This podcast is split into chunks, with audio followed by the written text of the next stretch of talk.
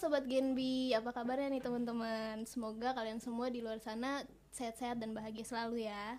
Kenalin aku Denya Ana. Nah hari ini aku gak bakal sendirian nih. Aku udah ditemenin sama dua teman aku. Ada Ketua Komisariat Genbi Jakarta dari UNJ sama UPNVJ Di sini ada Adit sebagai Ketua Komisariat UNJ Halo Adit. Halo semuanya, perkenalkan saya Aditya Pratama. Biasa dipanggil Adit atau Aditya Tahun ini saya diamanahkan sebagai Ketua Genbi untuk Komisariat UNJ.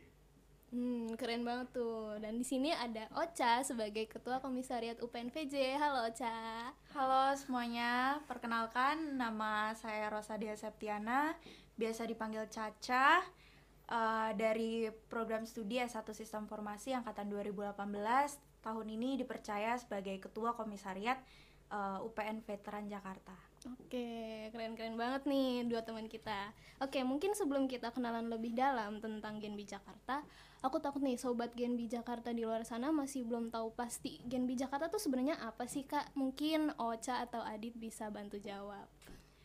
Iya, kalau Gen B atau generasi baru Indonesia ya, bukan bukan generasi Bank Indonesia nih. Itu merupakan komunitas yang terdiri dari para penerima beasiswa Bank Indonesia nih, hmm. D-nya gitu. Nah, selain itu juga Gen B ini juga bertujuan loh untuk bisa mengembangkan mahasiswa. Hmm. Untuk bisa menyampaikan program ataupun kebijakan dari Bank Indonesia kepada masyarakat.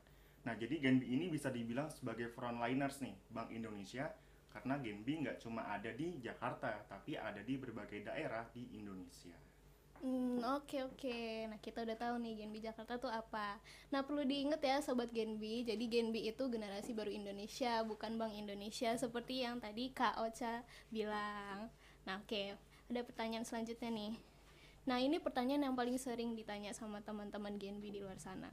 Biasanya informasi beasiswa Bank Indonesia tuh dapetnya dari mana sih, Kak? Terus okay. uh, eh, buka pendaftarannya itu biasanya kapan? Oke, pertama mungkin untuk sumber informasi ya. Untuk Genbi ini kita ada Genbi nasional, itu ada akun Instagramnya, Genbi official. Sedangkan kalau da dari daerah itu juga ada akun Instagramnya dari hmm. masing-masing. Genbi daerah. Okay. Contohnya kalau universitasnya domisilinya di Jakarta, otomatis kita ngelihatnya di Genbi Jakarta. Hmm betul, ya betul, betul. betul banget yang di, dikasih tahu sama Adit selain dari Instagram dan lain-lain itu juga bisa loh dapat informasinya dari kampus yang bekerja sama sama Bank Indonesia hmm, gitu dehnya terus kalau masalah pendaftarannya buka kapan kalau pendaftaran itu dibuka antara Maret atau April atau bisa disebut semester pas genap Hmm, oke okay, oke. Okay. Tuh, boleh dicatat tuh teman-teman. Nah, jadi untuk sumber informasi kalian bisa dapetin informasinya di Instagram kita @genbi.jakarta atau kalian juga bisa langsung dapat informasinya langsung dari kampus kalian masing-masing nih. Nah, ngomong-ngomong masalah kampus nih, pengen tahu dong Genbi Jakarta tuh terdirinya dari universitas apa aja sih? Oke, untuk Genbi Jakarta ini terdiri dari dua univ, atau kita sebut tuh sebagai komisariat. Jadi ada dua komisariat. Pertama komisariat dari UNJ, mm-hmm. dan yang kedua itu komisariat dari UPN Veteran Jakarta. Jadi ada dua komisariat. Oke, berarti uh, Genbi Jakarta sendiri ada UNJ sama UPN VJ ya, sobat Genbi. Nah, tadi kan kita udah tahu nih sumber informasi sama list universitas yang masuk ke dalam Genbi Jakarta. Nah, selanjutnya buat daftar Bank Indonesia ini ada nggak sih persyaratan-persyaratan yang harus dipersiapkan terlebih dahulu? Ada dong pastinya. Persyaratan-persyaratan setiap komisariat itu sebenarnya berbeda-beda. Denya kalau di UPN sendiri khususnya itu yang pertama harus mahasiswa aktif di UPN. Yang kedua ini minimal IPK-nya itu 3,00 dalam skala 4,00.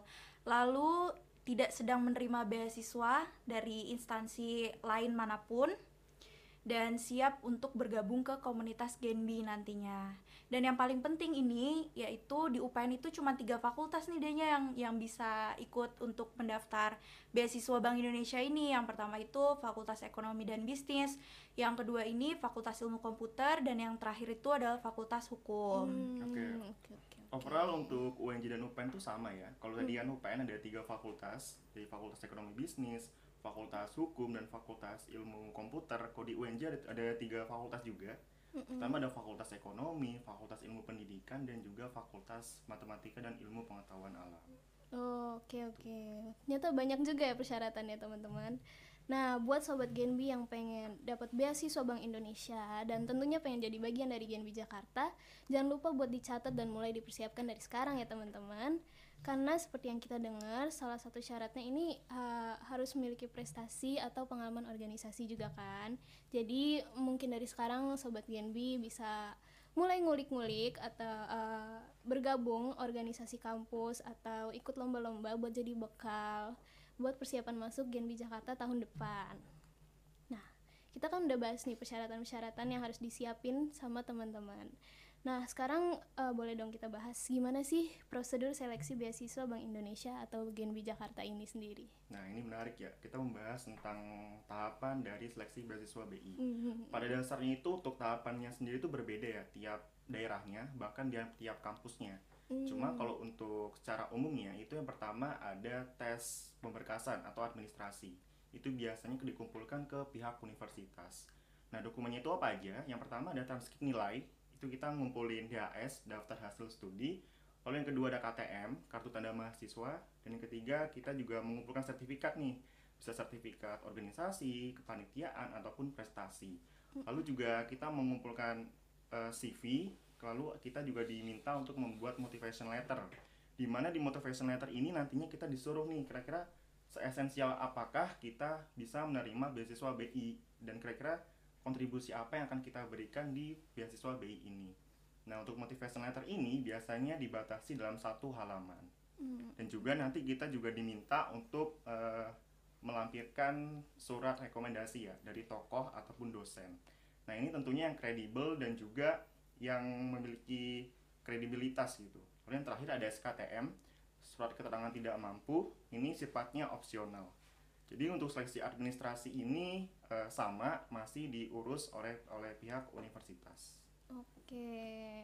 Oke, tadi kan Adit udah ngomongin masalah seleksi berkas ya. Mm -hmm. Nah, selanjutnya itu ada mengenai tes tulis hmm. sehabis seleksi berkas idenya.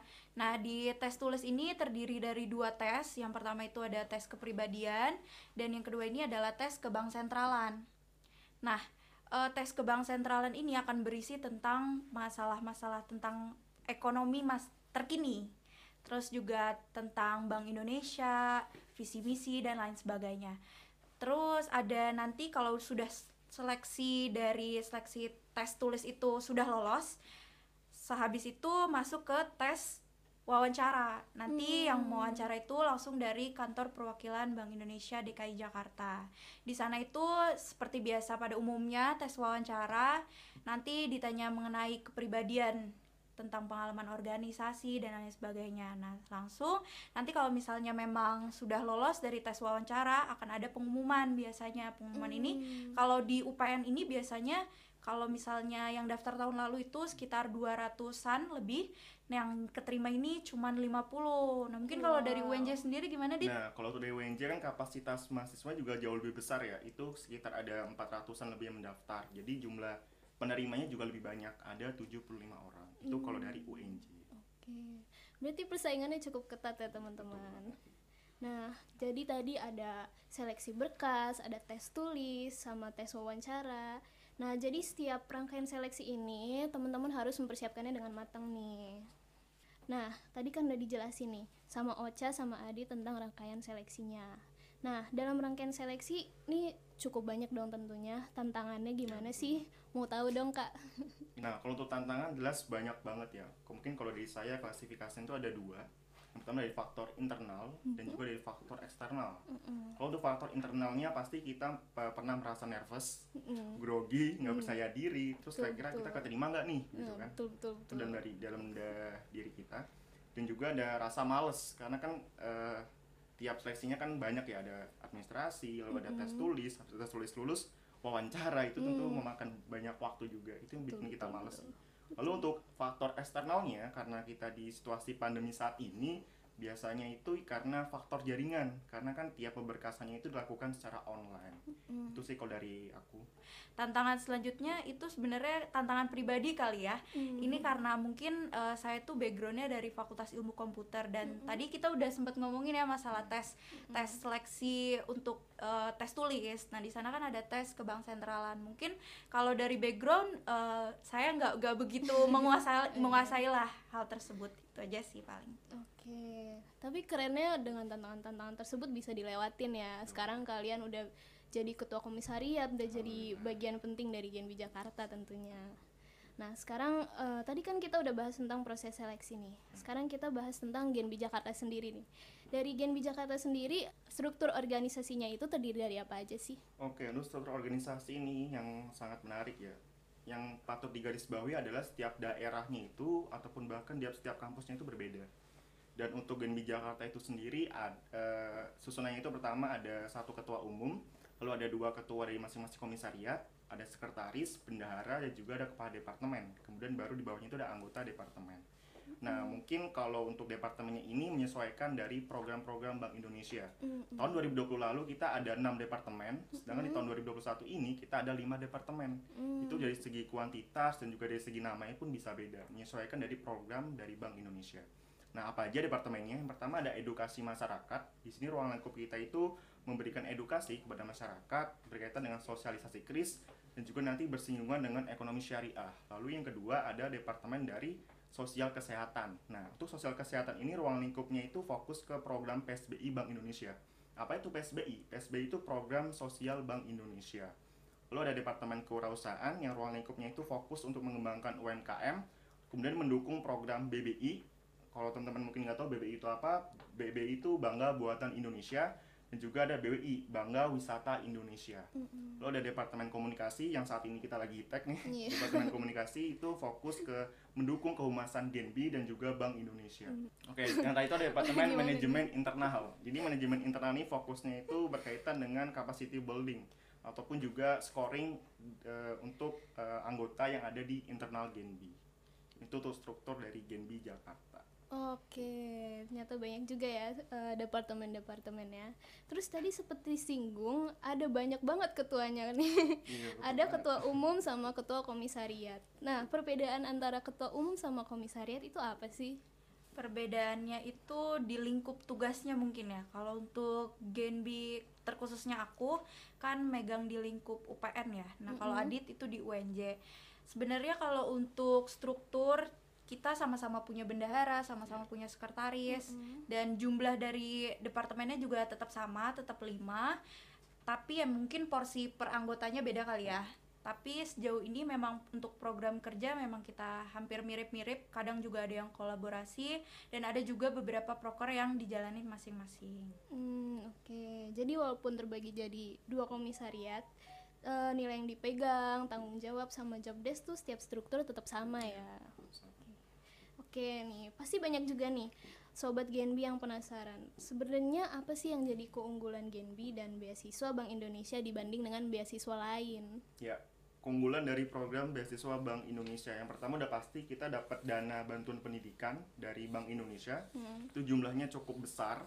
Namun yang kedua kita tidak hanya mendapatkan dana, tapi kita juga akan mendapatkan pelatihan berupa soft skill. Karena jika kita jadi penerima beasiswa Bank Indonesia, otomatis kita akan tergabung nih dalam komunitas Genbi.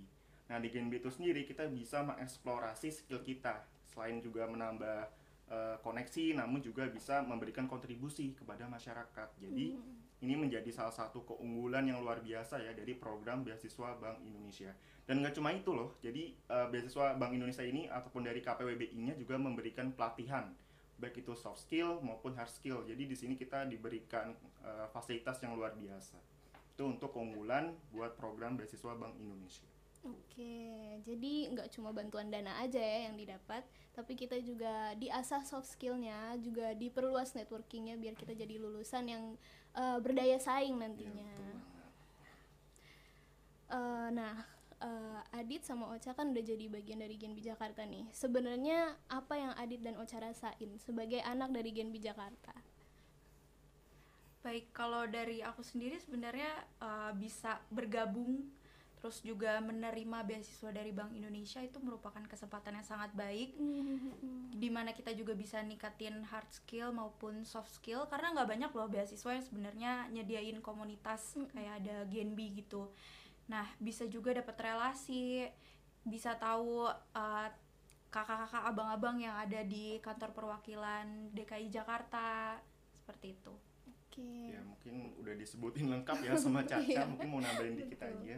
Perasaannya mungkin luar biasa ya, karena kan di sini kita nggak nggak sembarangan, kita bersaing dengan ratusan anak mungkin yang mungkin mau ada di posisi kita saat ini. Mm-mm. Itu perasaan yang sangat luar biasa karena tentunya ini tidak hanya memberikan benefit juga bagi kita berupa eh, mungkin dana pendidikan, namun kita juga punya kesempatan gitu untuk bisa berkontribusi kepada masyarakat luas. Oke, ya sama seperti Ocha dan Adit, aku juga sebagai anak Genbi Jakarta juga merasa beruntung banget ya punya eh, kesempatan ini. Ini kesempatan emas yang benar-benar bikin eh, jadi soft skill kita terasah, networking kita juga makin luas seperti itu.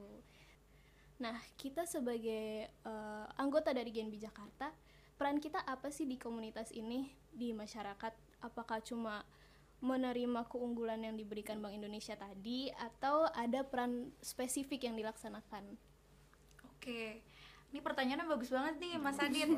Eh, Sebenarnya Genbi mungkin intermezzo dulu kali ya. Genbi itu di seluruh Indonesia tuh tahun ini datanya tahun 2020 itu berjumlah 175 maupun dari PTN atau PTS. Mm-mm. Pastinya banyak banget dong. Nah, eh, terus juga jumlah total dari mahasiswa Genbi yang terima beasiswa Bank Indonesia itu lebih dari 10.000 mahasiswa. Nah, gimana caranya komunitasnya tetap satu tujuan itu kan pasti punya fungsi-fungsi tertentu dong dari komunitasnya. Nah di sini yang pertama itu ada agent of change. Agent of change ini bagaimana kita sebagai mahasiswa yang terima beasiswa Bank Indonesia bisa memberikan dampak lagi atau membawa perubahan ke masyarakat tentunya melalui komunitas Genbi ini. Terus yang kedua itu uh, frontliner. Frontliner ini di sini di mana kita bisa menyebarkan atau perpanjangan tangan dari Bank Indonesia untuk menyebarkan kebijakan-kebijakan terbaru yang dikeluarkan oleh Bank Indonesia. Nah, yang kedua, yang ketiga ini itu future leader. Future leader di sini diharapkan mahasiswa yang sudah menerima beasiswa Bank Indonesia dapat menjadi pemimpin di masa yang akan datang. Karena udah gabung juga kan dengan komunitasnya seperti itu. Oke. Berarti kita kan udah tahu ya, sebagai penerima beasiswa Bank Indonesia, ini kita mempunyai tiga peran, yaitu agent of change, future leaders, sama frontliner dari Bank Indonesia tentunya. Nah, sekarang kan lagi di masa pandemik nih, di mana kegiatan kita tuh dibatasi. Jadi, untuk menjalankan peran tersebut, kegiatan apa sih yang dilakukan Genbi? Oke, kalau kegiatan yang udah dilakuin sama Genbi sebenarnya nggak jauh-jauh ya karena memang lagi PPKM mau ke mana-mana sulit. Jadi teman-teman dari Genbi itu sebisa mungkin mengakalinya dengan melakukan kegiatan yang secara online atau Hmm. daring. Kemarin juga kita baru eh, Genbi UPN baru ngadain IG Live Talk ya Hmm, betul, betul, itu bahas masalah wisata-wisata di Jakarta khususnya itu ngundang pembicara dari Abang None pariwisata Hmm. bahas pariwisata Jakarta seperti itu dan ke depannya mungkin kalau misalnya memang keadaan udah mulai membaik kita bakalan adain bareng-bareng dari Adit gue maupun Alwan itu ke Pulau Pari buat Wah. sosialisasi kris nih teman-teman gitu Oke, seru banget nih. Berarti pandemi COVID ini bukan jadi alasan ya buat eh, nggak berprestasi. Jadi Genbi Jakarta tetap mendedikasikan dirinya untuk negeri. Nah, terakhir nih, mungkin ada closing statement dari Ocha atau Adit buat sobat Genbi yang nantinya mau jadi bagian dari Genbi Jakarta nih. Oke, mungkin dari saya dulu ya. Yang pertama itu be yourself, believe yourself. Yang paling penting itu adalah kalian harus percaya diri, kalian nggak boleh grogi, kalian harus yakin dan optimis gitu. Kalau kalian nantinya akan menjadi penerima beasiswa Bank Indonesia. Karena nantinya jika kalian menjadi penerima beasiswa BI, tentunya kalian nggak hanya mendapatkan benefit untuk diri kalian sendiri pribadi, tidak. Tapi kalian juga memiliki kesempatan untuk bisa berkontribusi kepada masyarakat melalui apa? Melalui program ataupun kegiatan yang ada di Genbi itu sendiri. Hmm, Gitu, betul betul Iya, betul. itu kan dari Adit dan setuju banget tadi apa yang udah diomongin sama Adit. Nah, kalau mungkin kalau dari aku ya mungkin nambahin-nambahin dikit. Jangan takut buat daftar beasiswa Bank Indonesia karena masih banyak banget nih teman-teman khususnya dari rumpunnya aku yaitu Fakultas Ilmu Komputer karena takutnya kan ada tes ke bank sentralan ya Dit nah takut banget karena mungkin udah uh, jiper duluan nih mentalnya. Nah mungkin teman-teman yang di luar dari fakultas ekonomi dan bisnis bisa banget untuk nyoba. Tapi jangan cuma nyoba-nyoba ada usahanya juga. Karena kalau betul, kita udah usaha pasti kan kesempatan akan terbuka lebar juga. Meskipun backgroundnya berbeda. Gitu sih teman-teman. Oke, keren-keren banget nih closing statement dari Kak Adit sama Kak Ocha sebagai Ketua Komisariat Genbi Jakarta. Nah, buat teman-teman makin yakin dong buat daftar ke Genbi Jakarta atau mungkin untuk sobat Genbi yang masih penasaran dan pengen mengulik informasi, boleh banget follow Instagram kita @genbi.jakarta, terus subscribe channel YouTube kita di Genbi Jakarta dan terus dengerin podcast kita di Genbi Jakarta Podcast. Terus ada yang baru nih, kita baru bikin uh, account TikTok kemarin. Uh, jangan lupa di follow ya teman-teman @genbi Jakarta. Saya Dinyana pamit undur diri. Sampai ketemu di episode selanjutnya. Dadah. dadah Bye bye.